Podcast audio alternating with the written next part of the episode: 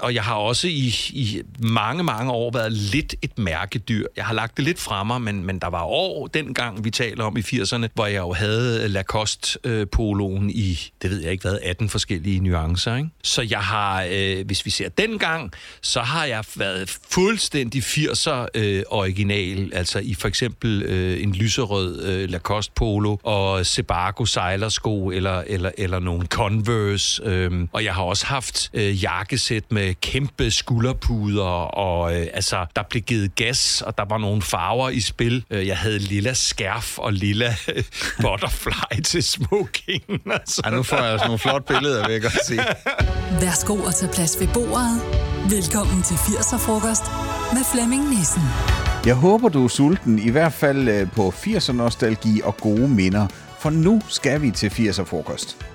Jeg har fået flere nye kolleger på Classic FM. En af dem er en stemme, jeg selv har hørt rigtig mange gange, også tilbage i 80'erne. Han er en mand, der ikke er bange for at give sin mening til kende, og så er han en mand, der i den grad var fremme i skoene i 80'erne, i hvert fald når det kom til musik, men også i radio og på tv. Kom med på en sjov, hyggelig og uforglemmelig rejse tilbage til 80'erne sammen med dagens gæst, som er Dan Raklin. Dan Raklin, kan du prøve at lave en slags overskrift og beskrive 80'erne med sådan en enkelt sætning? En enkelt sætning, åh, du er hård lige fra starten. Ja. Øhm, det årti, hvor jeg øhm, festede alt imens jeg blev voksen, uden at opdage det. Åh, det var smukt. Det var, det, man skulle næsten tro, og det vil jeg godt lige sige allerede nu, det er jo ikke noget, du er forberedt nej, på. Nej, nej, nej, nej, det var sådan, det lød næsten som en titel på en, på en digtsamling. Ja, ja, så skal vi i gang med digtene.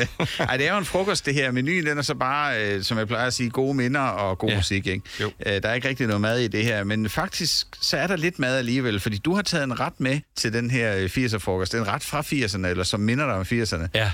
Hvad er det for en? Jamen, øh, at der, at der, er jo, der er jo mange, øh, som, som man kunne have valgt. Altså, du kunne jo have taget sådan, hvad skal man sige, øh, rejecocktail eller traditionel steg med, med banæssauce osv. osv. Men, men jeg har valgt fondue, øh, fordi fondue tænker jeg på som i hvert fald ikke kun 80'er men fra, fra, fra en fortid. Og jeg tror, mange af os voksne mennesker kender til, at vi et eller andet sted har, har fondygryden og, og de der lange stikkende gafler stående, men nu har de samlet støv, og, og fondue kræver jo både tid, når man skal indtage det, og også at forberede osv. osv. Så det er jo ikke noget, øh, jeg øh, øh, gør stort set nogensinde, men fondue, jo, det er ret 80'er-agtigt. Det, det tvang os jo også til at få ja. lidt ro omkring maden, ikke? Jo, altså. jo. Og, øh, og vi lever i en tid, eller nu taler jeg for faret vedkommende, hvor vi på familieplan jo allerhøjst spiser sammen et par gange om ugen. Jeg er blevet afhængig af Volts og andre, som leverer mad ud. Og man kan sige, økonomien i det er jo, øh, altså du ved, her, her i hovedstaden, der kan du købe en øh, sådan en med fem forskellige kineser ting i til 55 kroner. Det kan du ikke lave det til selv. Så, øh, så jo, du har ret i, at øh, når, man, når man spiste fondue, så tvang det til fælles måltid, øh, fælles oplevelser og, og den samhørighed, som der gerne skal være omkring mad også. Hvis vi nu lige tager øh, tilbage til 80'erne, hvad fik man så typisk øh, til frokost hjemme hos dig?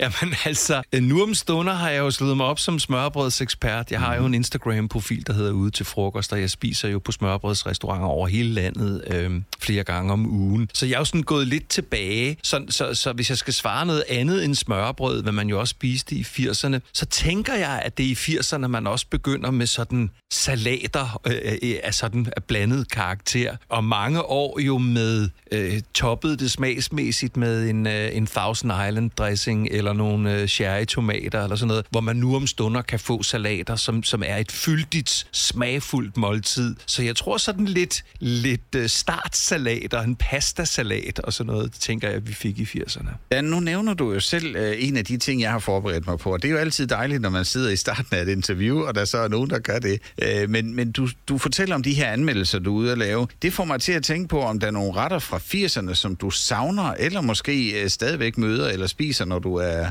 når du er ude til de her frokostanmeldelser? Nej, men altså, øh, forholdet til fondue er, havde kærlighed, fordi fondue er jo, kan man sige, jo fremragende, hvis råvarerne er i orden, hvis det er virkelig lækkert mørt kød, øh, skåret ud i rigtige portioner og, og ordentlige pølser, øh, eller hvad, hvad man nu bruger. Øh, det er jo kun fantasien, der sætter grænser. Så kan det jo, så kan det jo sådan set være, være rigtig godt. Du skal tænke på, at jeg, øh, jeg startede min karriere i 1984 i Valkendorfsgade i Københavns centrum, lige bag Gråbrød og Torv, og det var der en grund til, fordi vores ejer af Voice, Otto Retz Tot, havde en onkel, der havde lånt os en lejlighed, som vi kunne lave radio fra. Og han ejede restauranterne Peder Okse og Bøf og Ost på Gråbrød og Torv. Øh, og i den første fase, den første sommer, hvor vi laver radio, jamen øh, hvis vi lige sådan sagde, ja, og så skal vi også på Bøf og Ost bagefter, så kom der jo nogle unge kvinder ned med alt, hvad den kunne trække af sovs og kartofler og kød og, og derudad. Det var sådan et, et lidt ulovligt sponsorat. Så jeg tænker på sådan øhm, på Gråbrød og Torv og, og, og sådan 80'er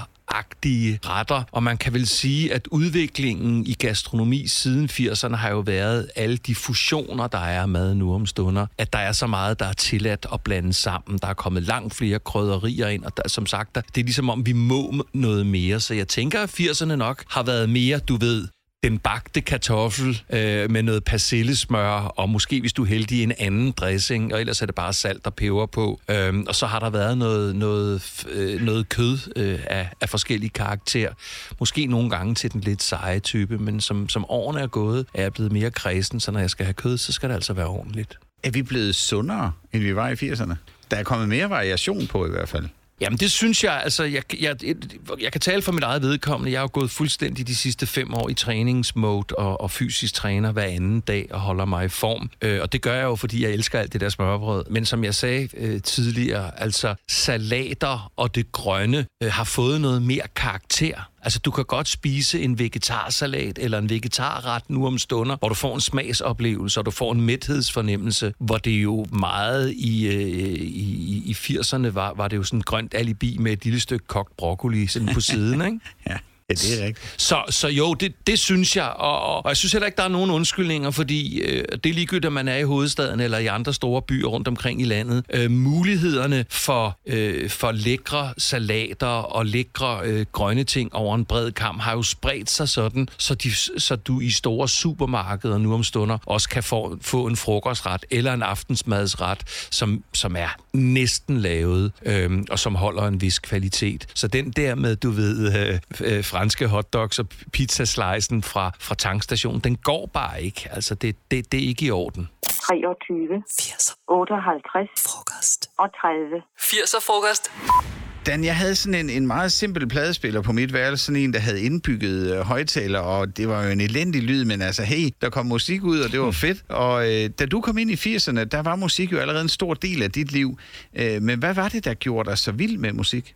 Det er sjovt, at du spørger om det. Øh, Vi har jo mødt hinanden før og talt sammen før. Og, øhm, og øh, de seneste par år har jeg tænkt meget over sådan en ting med, du ved, det er jo meget op i tiden, øh, om, man, øh, om der er noget, man fortrænger fra sin barndom og så videre og så videre. Og, øh, og, og, det, og, og det er helt e-, evident for mig, det er det blevet i hvert fald, at, at den der musikinteresse, som starter som seksårig, den får også et par år, hvor den ligesom bliver en boble imod, at min mor og far blev skilt, og så flyttede de sammen igen, og så blev de skilt igen. Altså, der var, altså jeg skal ikke få det til at lyde som om, øh, at, at, at, at det var et, et, et, et, en familie med, med druk og misbrug, men, men, men, men der var lidt biks med dem og, og, og deres parforhold. Så jeg tror, man kan sige, at, øh, at, at interessen var der som, lige fra start. Altså, der var et eller andet med, med, med, med det, det humør, man kunne komme i ved hjælp af musik. Men det er nok også rigtigt at sige, at så nørdet, som det blev på et meget tidligt øh, tidspunkt med at købe Vi Unge og Go Magazine og Sabrina og den slags popblad-magasiner, ja, ja. man kunne få dengang,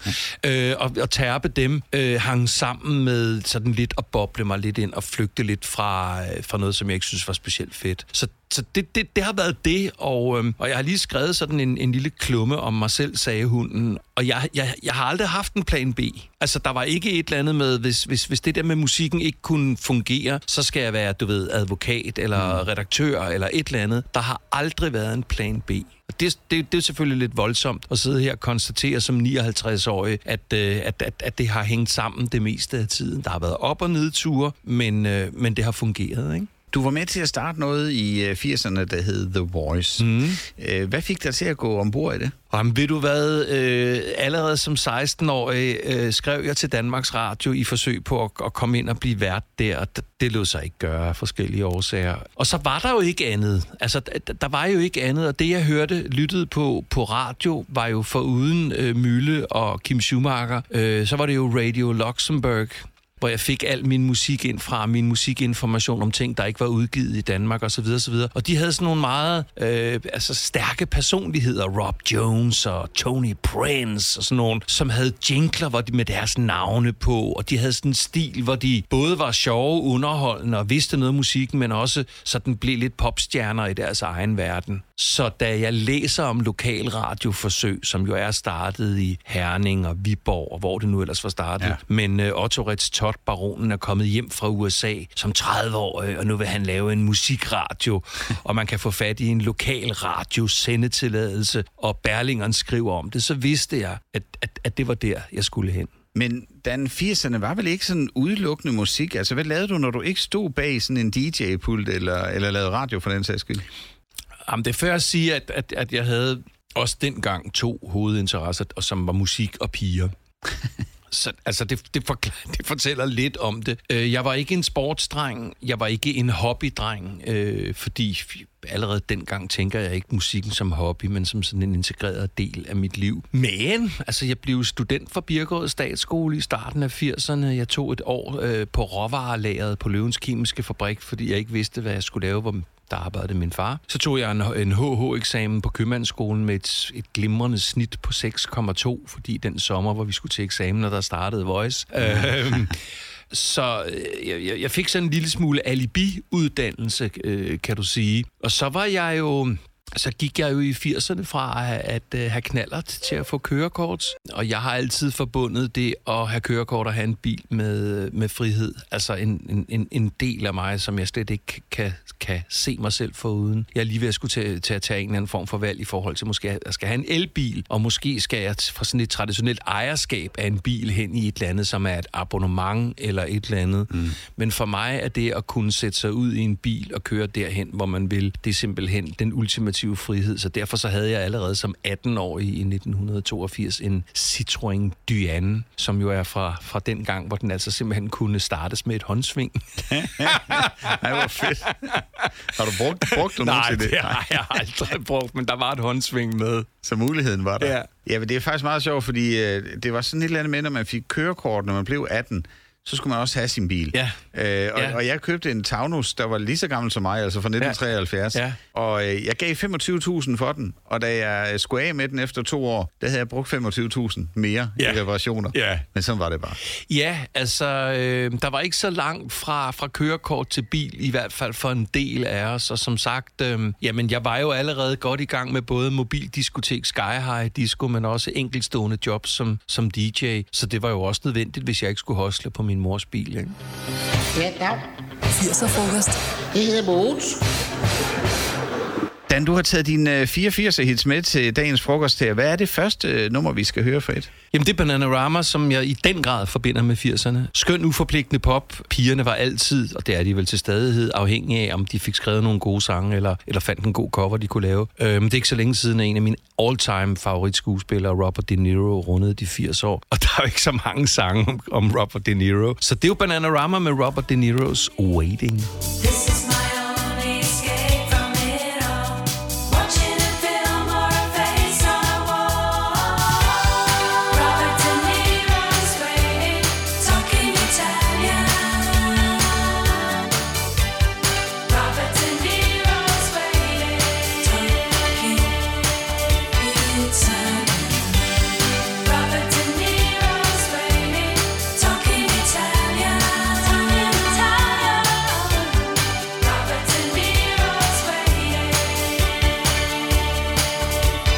det er jo egentlig begrænset, hvad den handler om, øh, Robert De Niro, men, men øh, han er altså en fed skuespiller, det vil jeg give dig fuldstændig ret i. Men det var så Bananarama, vi lige fik øh, her. Hvilke minder vækker det her nummer i dig, øh, hvis vi nu... Fordi nu, nu nævner du det, fordi han har haft fødselsdag. Men hvis vi nu går tilbage til 80'erne, hvad kunne det nummer så for dig? Jo, men altså, jeg kan jo svare ved sådan et lidt, lidt alvorligt svar i den forstand, at jeg jo øh, allerede dengang, i hvert fald hos nogen, var sådan lidt udskilt, fordi jeg altid har erklæret sådan uforpligtende pop, min, min sådan uforbeholdende kærlighed, og ikke rigtig kunne se, at der var noget, der var god eller dårlig smag i den sammenhæng. Og jeg er sikker på, at nogle af datidens øh, seriøse rockanmeldere i sorte læderjakker, ubarberede og veltsmerts og hvad har vi, øh, synes, at Bananarama var noget af det mest ligegyldige øh, med sådan nogle syngepiger, som ingen, ingen engang havde en speciel vild vokal og sådan. Så, så jeg tænker sådan set på det som, som øh, musik og hits, der, der fik lidt tæsk af, af, af anmeldere og, og andre, som synes, de skal fortælle, hvad der er god smag. Dan, apropos god smag. Jeg har læst et sted, at øh, du i hvert fald øh, på et tidspunkt vurderede piger på deres holdning til musik. At, øh, at øh, det, var, det var ligesom den, der gjorde, om det var vind eller forsvind. Øh, prøv lige at forklare, hvad det, hvad det var, der gjorde Nå, det. jamen altså, øh, det, er ikke, som, det, er, det er ikke nogen hemmelighed, at jeg, at jeg har, har været overordentlig pigeglad, og jeg til stadighed er overordentlig pigeglad. Specielt øh, har jeg et eller andet med blondiner øh, over en bred kamp, kan man sige. øhm, og det er heller ikke nogen hemmelighed, at jeg har haft sådan lidt, lidt, lidt kærester øh, i ny og næ. Men, men øhm, jamen det, det, det, der er ved det, det er, at for mig kan musik ikke være sådan noget overflade, eller noget, man sådan øh, bringer ind i en pause. Altså for mig er musik en integreret del af mit liv hver evig eneste dag. Altså, jeg plejer at sige, det er ligesom, du ved, øh, kan, du godt lide, kan du godt lide at trække vejret, eller kan du godt lide vand, eller sådan noget. Altså, for mig er det sådan en grundbestanddel af mit liv. Men musik er, øh, er noget, jeg, jeg vågner op til. Det er noget, jeg hører i løbet af dagen. Det er noget, jeg hører om aftenen. Musik er til, når du er ked af det, når du er glad. Altså til, til alle aspekter af livet. Og hvis, hvis jeg så har mødt en, en, øh, en, en pige, en kvinde, som sådan er sådan overfladisk omkring det, Øh, og sådan er lidt, hvis jeg har spurgt, øh, Nå, hvad, hvad, hvor er du henne rent musikalsk og sådan noget, og så møder en, som for eksempel sagde, jamen jeg elsker musik, jeg hører det altid i radioen. altså hvis man ikke, ja, altså hvis man ikke, hvis man ikke kan definere sådan helt, hvor man er rent musikalsk, og, og hvad, man, hvad ens hjerte bløder for, så kan det i hvert fald ikke blive til sådan et, et nært forhold til mig. Skal vi ikke bare sige det sådan? Tag det bare helt roligt. Vi skal nok klare det sammen, os to. 80'er frokost. Dan, i dag der er du jo, øh, fordi vi er blevet de bedste venner, vil jeg godt lige sige, på Facebook. Øh, der kan man godt være de bedste venner med rigtig mange. Men du er især på de sociale medier kendt for at have, øh, skal vi ikke bare sige, øh, markante meninger og holdninger. Var det også sådan for dig i 80'erne? Først vil jeg sige, at jeg synes jo, der er masser af mine opslag, som sådan set hører til også i, i ikke meningsafdelingen. Men jo, jo, det er jo rigtigt, at, øh, at jeg kalder tingene det, som jeg synes, de skal kaldes for. Ja, yeah, det tror jeg, man må sige. Jeg var, jeg var klassens øh, underholdende element, synes jeg i hvert fald selv. Øh, ham, der prøvede at sige noget sjovt, som gjorde, at, at lærerne ikke altid var sådan helt begej- vildt begejstrede for mig. Og jeg tror også, at, at, at folk fra min fortid vil tænker på mig som, som sådan meget bramfri. Altså, jeg har et temperament, og jeg har sådan ligesom en måde at få tingene ud på. Og så til gengæld, så, når de så er kommet ud af mit system, så, sådan, så er jeg rolig igen. Men jo, det, jeg tror også, jeg i 80'erne masser af gange har, har fået, om ikke uvenner, så i hvert fald nogen, der har været sådan stusset lidt og tænkt, øh, var det nødvendigt, at det kom så klart og artikuleret ud. Så jo jo, jeg var bestemt også øh, ærlig øh, på den kontante måde dengang for mange år siden. Jeg vil jo egentlig sætte pris på det, fordi så ved man jo, at du går ikke og putter med det. Nej. Du siger det, som det er. ikke Ja, også? ja. Men har det nogensinde øh, bragt dig ud et sted, hvor du har tænkt, ej, nu, nu lukker jeg lige et stykke tid? Jo, jo, men det har det jo selvfølgelig. Øh, både dengang og i 90'erne og op til i dag, i den forstand, at det har jo kostet mig jobs blandt andet. Ikke? Altså, det er jo ikke alle chefer. Ingen nævnt, ingen glemt. Øhm, der, altså, det er jo ikke alle chefer, der kan klare, at man, at man, at, at man som medarbejder siger sin uforbeholdende mening. Og, og det har egentlig altid undret mig, fordi hvis, hvis chefer kunne lægge deres, hvad skal vi sige, ego lidt væk, øh, hvis en, hvis en medarbejder kommer med, med kritik, så er det jo fordi, den medarbejder faktisk går op i sit arbejde og arbejdspladsen. Så jeg har egentlig aldrig forstået øh, de gange, hvor det sådan har kostet jobs eller opgaver, eller ryge ned i hierarkiet, at sige tingene direkte. Så jo jo, det, det, det, har, haft, det har haft masser af omkostninger, øh, og har det til stadighed. Men du fortsætter.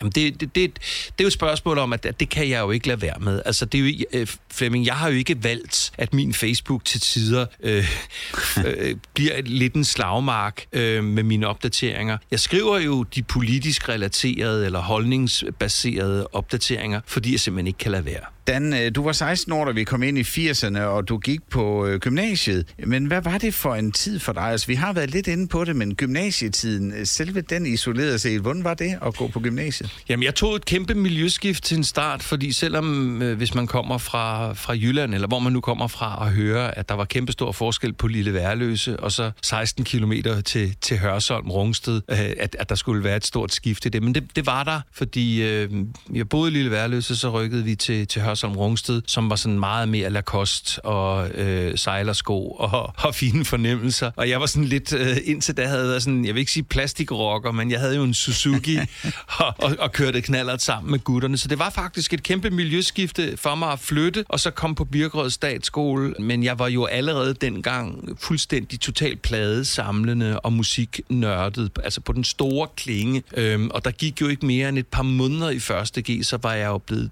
diskjockey øh, i Sky High Disco, som var det mobildiskotek, der spillede til gymnasiefesterne. Og da det ligesom kom ind i mit liv, så røg øh, stort set alle weekender. Men på den anden side, så tjente jeg jo også mine egne penge på noget, som jeg, øh, som jeg elskede og som jeg var god til. Så det blev meget øh, spille i weekenderne, feste, prøve at score nogle piger, øh, sætte anlæg ned i min makker Thomas øh, forældres kælder klokken, øh, klokken lort om morgenen. Øh, så det var meget et liv, der var centreret om, om musik og det at, at, at underholde, tænker jeg. Så selv gymnasietiden var noget med musik? Ja, det, det, det var det i allerhøjeste grad. Jeg fik en studentereksamen på 6,9. Jeg var fuldstændig umulig i stort set alle fag, og det interesserede mig heller ikke. Jeg sad og lavede hitlister sammen med min sidekammerat, der hedder Kenneth. Goddag, jeg hedder Lars Larsen, jeg har Jysk Sengtøjslager. Jeg vil give dig et tilbud. Du har taget et nummer mere med. Hvad er det, vi skal høre nu, Dan?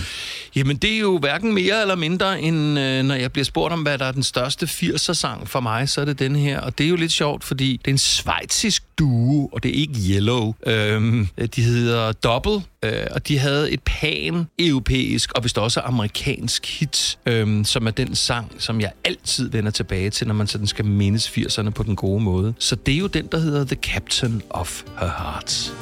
Too long ago, too long apart. She couldn't wait another day for the captain of her heart.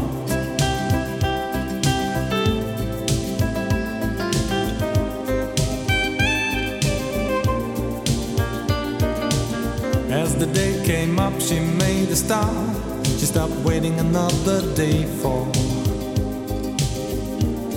the captain of her heart. Dan, jeg, øh, jeg fortalte jo før det der med, at jeg havde den her pladespiller, og, og meget af det musik, jeg hørte i 80'erne, det kom fra de plader, som min mor og far havde øh, samlet sammen i stuen. Øh, derfor så er der også meget af det musik, vi hørte dengang, der vækker gode øh, minder hos mig. Er der noget i din musiksmag, der er arvet fra dine forældre? Altså, jeg, jeg, jeg, jeg smiler lidt og, og sukker lidt, fordi øh, jeg har et meget nært forhold til min mor den dag i dag, men, men, men jeg kan ikke rigtig øh, hugge hende op på noget af det, der handler om musikken. Og øh, når vi så kommer til min far, så var, var, blev jeg jo skilsmissedreng og kom hos ham i weekenden, og jeg plejer jo at sige, at ja, jeg blev jo lidt præget af hans meget overskuelige pladesamling, som var defineret ved, at det, der var købt øh, af, af plader, de var købt, fordi de var på tilbud. Okay. så, så, så, øhm, så jeg har, jeg har, jeg har sgu fået min, øhm, min portion øh, Roger Whittaker og mm. Cornelius Vreeswijk og Mills Brothers og Julio Iglesias og specielt sådan noget som Julio. Jamen, det har jeg helt sikkert fået fra min far, og jeg, og, og jeg elsker Julio Iglesias. Han synger også fantastisk. Jo, men han er bare, han er super lækker, altså. Mine forældre havde en plade med Heino. Jeg ved ikke, om du overhovedet Jo, kender jeg ved Heino. godt, hvem Heino er. Den blege. øh, Jeg ved ikke, om han er blind eller bare havde sarte øjne. Han var i hvert fald meget hvidhåret, øh, allerede som forholdsvis ung. ikke? Men øh, ja, det, Godt. det er sådan noget, du sidder overfor, vil jeg bare sige. Husker du Heino? Ja, det var tider. De kommer i nat! De kommer i nat! Det bliver et helt stort panselal. Dan, på det her tidspunkt i vores frokost, der skal vi på tidsrejse, og du må bestemme årstallet i 80'erne, hvor vi skal mødes med dit yngre jeg. Øh, hvilket år skal vi til? Jamen, vi skal nødvendigvis til 1984, og når jeg siger nødvendigvis, så er det jo så, fordi det er det år, hvor jeg springer ud som radiovært. Jeg er 20 år gammel, og jeg tænker på 1984 som det år, hvor der kom suverænt flest 80'er-klassikere af den slags, som folk kan huske den dag i dag. Nu står vi så over for den unge Dan, og du ser lige så sprød ud, som du gør i dag, vil jeg Tak godt for sige. det. Men, men øh, hvad vil du sige til ham? Er der noget, du vil sige til ham?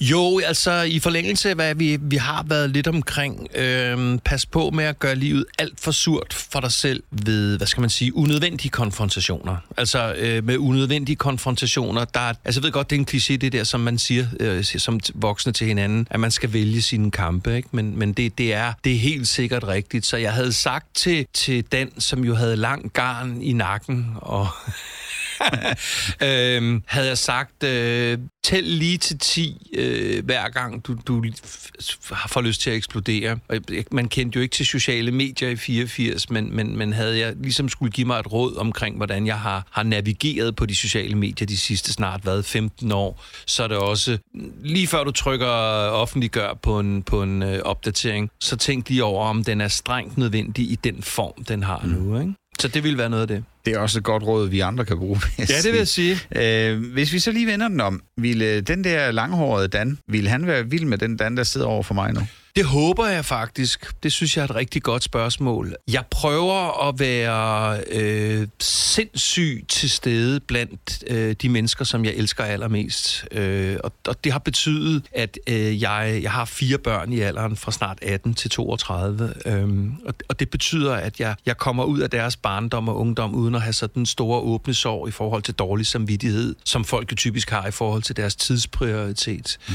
Og det er ikke fordi, det er en konkurrence, og man gør det på forskellige måder, man har et forskelligt udgangspunkt. Men jeg har været der øh, i deres liv, øh, og det er lidt det samme, jeg vil sige om, om, om øh, min nærmeste familie, og selvfølgelig mine nærmeste venner, at der, er ingen, altså, der, kommer ikke, der kommer ikke noget ud af ingenting. Man er nødt til at være udfarende, man er nødt til at tage, tage, tage hånd om øh, at skulle ses og være sammen, og så videre, og så videre. Så jo, jeg synes i det store hele, at den 20-årige Dan kan være tilfreds med den, ja, snart 60-årige. Ikke? Jeg bliver jo 60 om, om et halvt år. Men der, jeg slår også, også med, med masser af dæmoner. Altså, og det kommer, det kommer jeg til resten af livet. Dan, du blev jo hurtigt et øh, kendt navn, og på grund af Kanal 2 og siden også TV2 et kendt ansigt. Har du nogensinde fortrudt, at du på den måde blev øh, kendt, eller har det bare været fedt hele vejen igennem?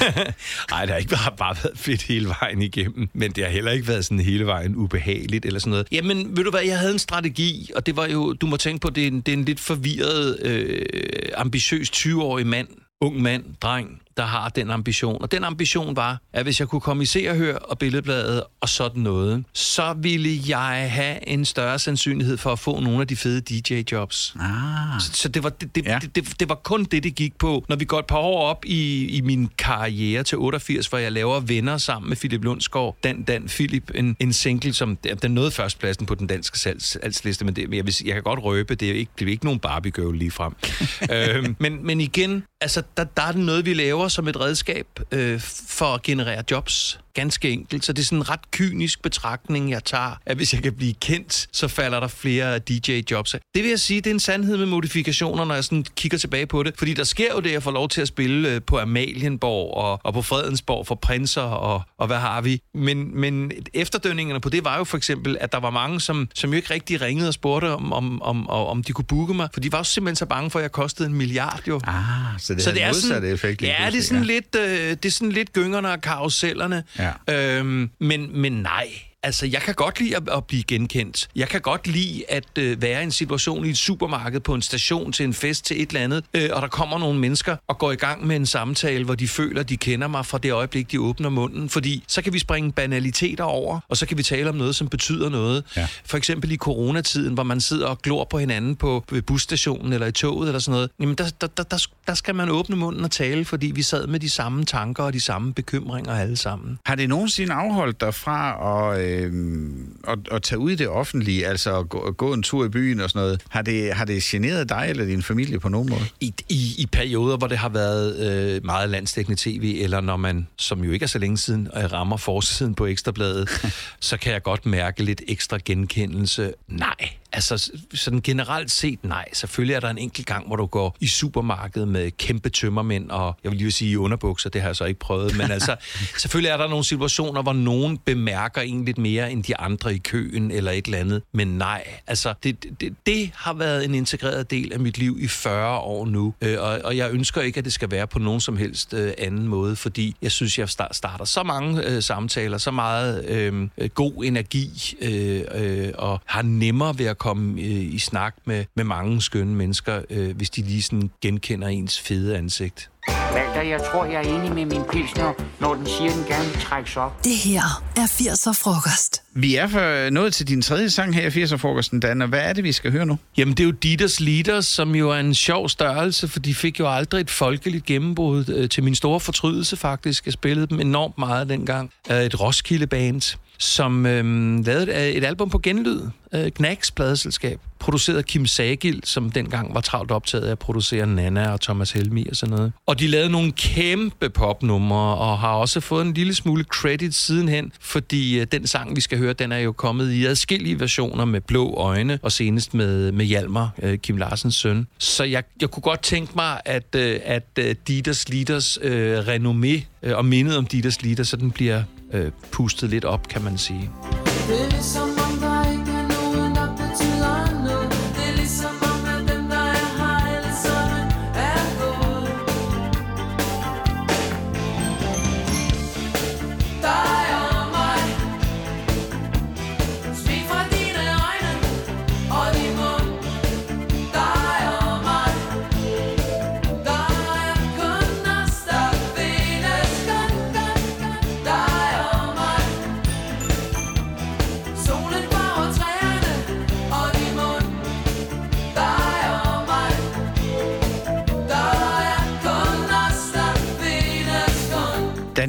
har det på samme måde som mig, men der er simpelthen dufte og smage i minder. For eksempel så kan jeg ikke gå ind i en gymnastiksal, uden nærmest at mærke angsten for at blive valgt til sidst. Øh, er, er, der, er der nogle dufte, smage eller, eller lyde, der sådan bringer minder frem hos Ja, dig? helt sikkert. Altså helt sikkert. Øh, og øhm, altså, de traditionelle er sådan nogle juledufte, men det er jo ikke sådan specielt 80'er-relateret, fordi det er bare sådan generelt. Men helt sikkert nogle bestemte parfumer, ikke? Altså, fordi det er jo en periode, hvor jeg begynder at øh, eller for, for alvor bruger noget, noget forfærdeligt skrald, som jeg slet ikke kan anbefale nu om stunder. Jo, jo, men sådan noget øh, deodoranter med parfume i, det er jo ja. simpelthen kimen til at få øh, parfumeallergi, ikke? Så man skal bruge noget neutralt under armene, men det er så bare en lille... Men, men Old Spice... Nå ja, ja. Og, og Bry 33. Koro. Ja. Ja. Ja. Det er, ja. det er sindssygt 80'er dufte for mig. Og jeg er meget, meget den dag i dag, jeg er sindssygt selektiv og meget, meget hysterisk med dufte. Altså andres dufte og min egen duft. Forstået på den måde, man skal dufte dejligt og rent, og man må også godt bruge en eller anden lækker aftershave, når man er mand osv. osv. Men en af de ting, som gør mig fuldstændig hysterisk, det er, hvis jeg for eksempel står i en elevator eller kommer tæt på mennesker, som har så meget parfume på, så jeg kommer til at lugte af det. Jeg synes jo faktisk, det næsten er et fysisk overgreb på mig. Jeg er faktisk tæt på, at der er nogen, der virkelig sprøjter sig sådan. Ja, men det altså. synes jeg, øh, og jeg, og jeg fatter ikke, at der ikke er nogen i deres kreds, der på et tidspunkt siger, hey, tone lige lidt ned. Pas ned, altså, ja. aftershaves og parfumer på kvinder og sådan noget, det skal være noget, man dufter, når man er sådan henne i en radius af en halv meters penge eller sådan noget. Man skal fandme ikke lugte af en eller anden øh, øh, mands lorteparfume resten af dagen, fordi han bare har splasket det ud over hele kroppen. Det synes jeg virkelig, øh, at, at man skal tænke over. Ja, fordi man, det er jo ikke et wunderbar, man er sammen med. Vi skal derind, hvor, hvor vi er så tæt på, at vi gerne vil mærke, hvad de dufter Jamen af. altså, jeg, øh, jeg, jeg kan sige, at øh, eksempelvis min kone stort set dagligt øh, snuser til mig ved halsen, giver mig måske et kys og siger, du dufter simpelthen så dejligt. Og det må jeg bare sige til de herrer. at, altså, det er, det er altså en god ting i forhold til, øh, til kemien øh, mennesker imellem. Det er sgu da min rokokkebud! Gud dig, din.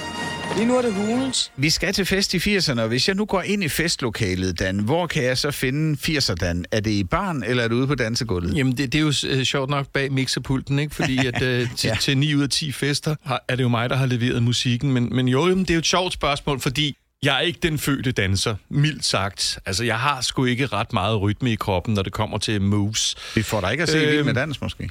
Nej, det tænker jeg ikke, man gør. Øhm, så så, så jeg, jeg, det, det bliver en både og. Fordi jeg elsker stemningen omkring en bar, og de, de, de, den energi og de samtaler og det pjat, der kommer til at opstå. Men jeg elsker også, og, og jeg kan også godt f- finde på at danse med, med, med min partner til, til en fest, hvis det er. Så det bliver sådan, øh, det bliver lidt det ene og lidt det andet, men mest bag mixerpulten.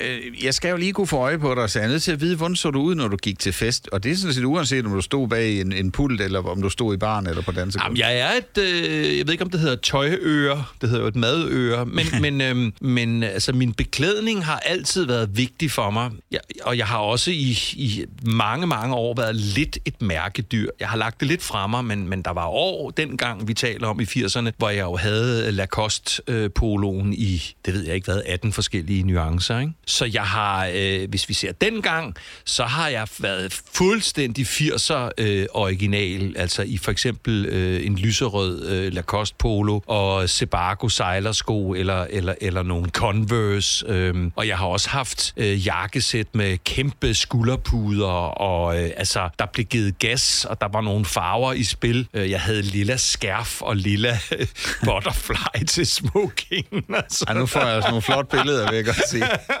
så, øhm, så jo jo, altså, øh, jeg er, jeg er en, en tøj, tøjting, og, og, og det er jeg til stadighed. Men som årene er kommet, øhm, så må jeg så også erkende, at jeg måske er sådan lidt less is more i forhold til, hvad det er, jeg har på. Ikke? Men du har dog tøj på. Det meste af tiden, Flemming, men lad os tage den bagefter. Dan, hvis vi så lige, hvis jeg nu øh, tager spejl med mig tilbage til 80'erne, så kan jeg sige, at jeg var et ømt syn, fordi tøjet det blev valgt efter, hvad der lå øverst, og, øh, og mode, det var ikke noget, jeg rigtig gik op i. Det gør jeg sådan set i grunden heller ikke rigtigt i dag.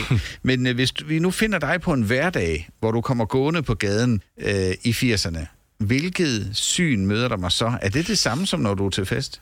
Øh, jamen, jeg, øh, altså, jeg, jeg, jeg får mit første tv-værtsjob i 85 på Kanal 2, øh, og det åbner jo døren for spons, øh, sponsorater af tøj. Ah, ja. Og det første sponsorat, jeg får, er med Martinique. Okay. Og der har de på det tidspunkt sådan et, en, en afdeling og et lager ude i, så vidt jeg husker i Tornby. Og der kunne jeg jo ikke styre mig, for der blev jeg jo bare sluppet løs, så jeg fyldte jo min ikke så store bil med, med tøj fra top til to. Øh, og den sjove anekdote er så, at det var jo, det var jo hvide, øh, øh, øh, hvide øh, sådan, de så ud som om de var syet af sådan noget hospitalsengelinnede bukser. med plads Ja. til begejstring, så var det jo en, en, en kort lilla jakke, igen med store, brede skulderpuder, og så var det nogle gyslige, nærmest cykelskosagtige ting med sådan en helt flad sål. Og nu kommer vi så til det, da jeg skal interviewe en, en, en knægt, der hedder Thomas Helmi, ja. der har lavet sit første, sit debutalbum, og han kommer og skal interviews på Voice. Kommer han ind ad døren, og så har vi fuldstændig identisk Nej. Martinique-tøj på. Så, så for eksempel sådan kunne jeg se ud dengang. Var der nogen, der tog et billede af det? Desværre. Jeg, jeg, jeg har et billede af, af en ung Dan Racklin og en ung øh, Thomas Helmi, men ikke lige fra den seance der. Men med Thomas, øh, ja, vi er jo samme årgang, øh, så det har jo været sjovt at følge ham og hans op- og nedture, og, og hvor, hvor sindssygt dygtig han er, og hvor folkelig han er nu om stunder, øh, fordi vi har ligesom gået igennem øh, øh, den her periode. Ja, ikke sammen, men, men, men, men jeg, har, jeg, har, jeg har altid sådan lige skulet lidt hen til ham. SQ siger UASH siger osh, squash. 80'er frokost.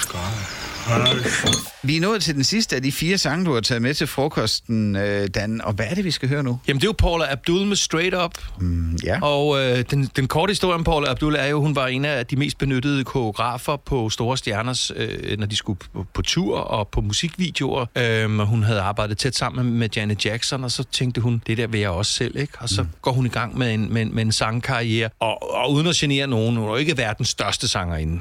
Men det gik da, Men altså. det gik fuldstændig ja. fantastisk, og hun bliver nummer et med Straight Up i USA. Og den uge, hvor hun så rammer førstepladsen i USA, der er hun så på promotion-tur i Europa og er i Danmark. Øh, og øhm, jeg ved, hun havde godt øje til mig, tror jeg, man kan sige. Sådan. Ja. Så vi var ude at spise middag, øh, hende og et par fra pladeselskabet. Men det var sgu ikke nogen intim middag, for hun var jo i løbet af den der middag, der var hun jo ude ved telefonen og blandt andet blive interviewet til Billboard og Rolling Stone og et par ting mere. Fordi når man er nummer et i USA, øh, jamen så er det jo stort, ikke? Man skal smide, mens jeg der var. Ja, er du rigtig klog. Ja. Jeg, har, og jeg har oplevet det med, med andre. Jeg har oplevet det med Billy Ocean, da han var nummer et med Caribbean Queen, at jeg interviewede ham lige der, hvor han var nummer et. Jeg har oplevet det med Roxette, den uge, hvor de gik, cool. øh, da de gik nummer et med The Look. Og der gik Per Jesle rundt på Voice, som jeg arbejdede for dengang, med et smil på, som jeg vil karakterisere, som om han havde vundet i lotto.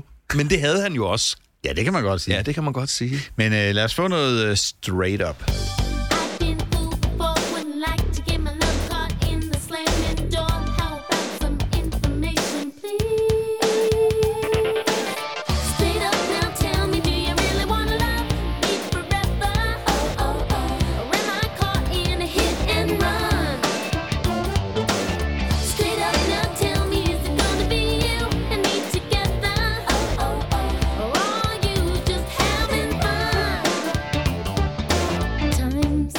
Du nu er DJ, radiovært og i det hele taget så vild med musik, er der så nogensinde ro omkring dig, eller er der altid musik?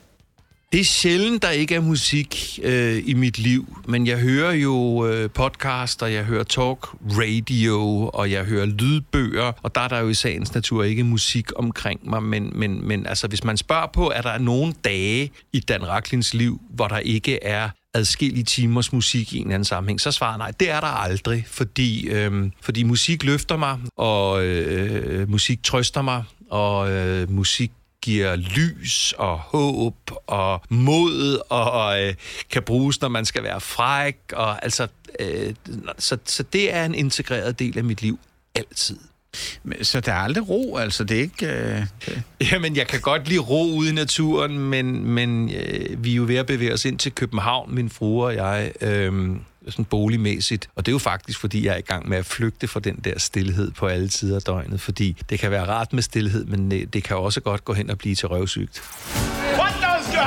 Tail today? Det her er 80'er frokost. Yes, my boys! Dan Raklin, du har opnået meget, og du har prøvet mange ting i dit liv og i din karriere, men nu kan jeg med glæde sige, at du for alvor er optaget i 80'er Frokostklubben, sammen med alle os, der bare øh, elsker 80'erne for vildt. Så bliver det da ikke større, gør det? Nej, jeg glæder- jeg glæder mig til diplomet. Ja, nå ja. Det skal jeg lige have tænkt over. Men Dan, hvad har du gang i lige nu? Fordi øh, jeg har jo lige nævnt det kort på et tidspunkt, at vi er jo på en eller anden øh, mærkelig Ja. måde blevet kolleger. Ja, vi sidder jo i nogle omgivelser, som jo nu også er min arbejdsplads. Ikke? Ja. Øh, Jeg er jo skiftet fra, fra Danmarks Radio og P5 til Classic FM, og laver jo øh, live hver eftermiddag fra, fra 15 til 18, og det er, jo, det er jo en skøn chance, og jeg føler mig jo sindssygt privilegeret endnu en gang i at, at kunne sidde i nye lækre studier og kunne se ud over vores fælles hovedstad og være i kontakt med så mange skønne mennesker derude. Så, så jeg er sindssygt privilegeret, men ellers er det jo, du ved, stille og roligt. Vi elsker 90'erne som, som vært, øh, musikbingo, vært DJ til alt fra runde fødselsdage til bryllup, og, og jamen, der er ikke så meget, Flemming, der har ændret sig fra, øh, fra 80'erne op til i dag i den sammenhæng. Jeg er nødt til lige at spørge dig om noget, der kommer lidt uden for det her. Hvis du nu står som DJ, så må du da opleve hele tiden, at folk kommer op. Æ, har du ikke den der med, øh, hvad det så end er? Er det ikke irriterende, hvis man har lagt sig en plan for, hvad man øh, vil spille? Altså? Jo, men jeg, har ikke, jeg lægger ikke planer. Jeg ser mig selv som en stemningsdirigent. Og det vil okay. sige, at jeg kommer ind til en fest, og så skal jeg efter et kvarter 20 minutter, det er den opgave, jeg har, der skal jeg ramme den lige i røven, som man siger, ikke? Øh, i forhold til, hvor musikken skal ligge henne. Men jo, der er der nogle øh, voksne mennesker, som under indflydelse af alkohol glemmer lidt, at øh, det der med at være DJ, det kan gå- se festligt ud, og det er det for så vidt også. Men det er jo faktisk også øh, en, en opgave og, mm. og, og et stykke arbejde. Og, og det der med hensyn til ønsker, jo, et presserende ønske af og til, men hvis der kommer en kvinde, og det gør der, og, og, og stiller øh, op med fem forskellige numre, hun gerne vil høre, så bliver jeg en lille smule små irriteret. Det gør jeg, for det, jeg er jo ikke nogen jukebox. Hvad siger man så? Siger man, det så siger man pænt, øh, at øh, det, det, det går ikke. Hvis jeg kan presse en, et presserende ønske ind, så, så, så vil jeg gøre det. Og nogle gange så siger man, jamen det kommer ikke til at ske, og så er der nogle enkelte gange, hvor man kommer med en løgn om, at USB-stikket er gået i hak. Jeg har ikke fået det spolet tilbage. eller, hvad, så, der, så der er mange muligheder, men, ja. men, men som jeg plejer at sige, det er lidt nemmere at spille for yngre mennesker, altså folk i 20'erne, 30'erne og 40'erne, fordi de er opvokset med, at en DJ er en selvstændig kunstner, og godt kan det der pis selv. Det er lidt sværere, når det bliver 50 plus, fordi øh, der er det ligesom om, at de skal lige op og fortælle mig, at hvis jeg spiller Himmelhunden, så, så bliver festen så meget bedre. Ja, og så lige den. Men ja, selvfølgelig ikke. Dan, jeg vil sige tusind tak, fordi tak, du øh, ville være med i, øh, i mit lille program her, og øh, vi kommer jo til at se hinanden, og Det gør lytterne vi. kommer til at høre rigtig ja, meget og hvis vi mødes til en, en firma julefrokost, så lad være med at komme og ønske noget. Jeg laver, jeg kommer ikke til at gøre andet. Jeg tager en hel liste med hjemme. tak fordi du kom. Ja, selv tak. Det var dagens menu ved 80'er-frokosten. Du sad til bords med mig, Flemming Nissen, og naturligvis med dagens gæst endnu en gang tak til Dan Raklin. Hvis du kunne lide det, du hørte, så husk at give 80'er-frokosten et like, der hvor du hører podcast. Det vil jeg virkelig blive glad for. Fra på onsdag kan du gætte med på, hvem næste uges gæst i 80'er-frokosten er. Det sker, når vi lægger et ungdomsbillede op af ugens gæst. Det er på vores Facebook-side Classic FM.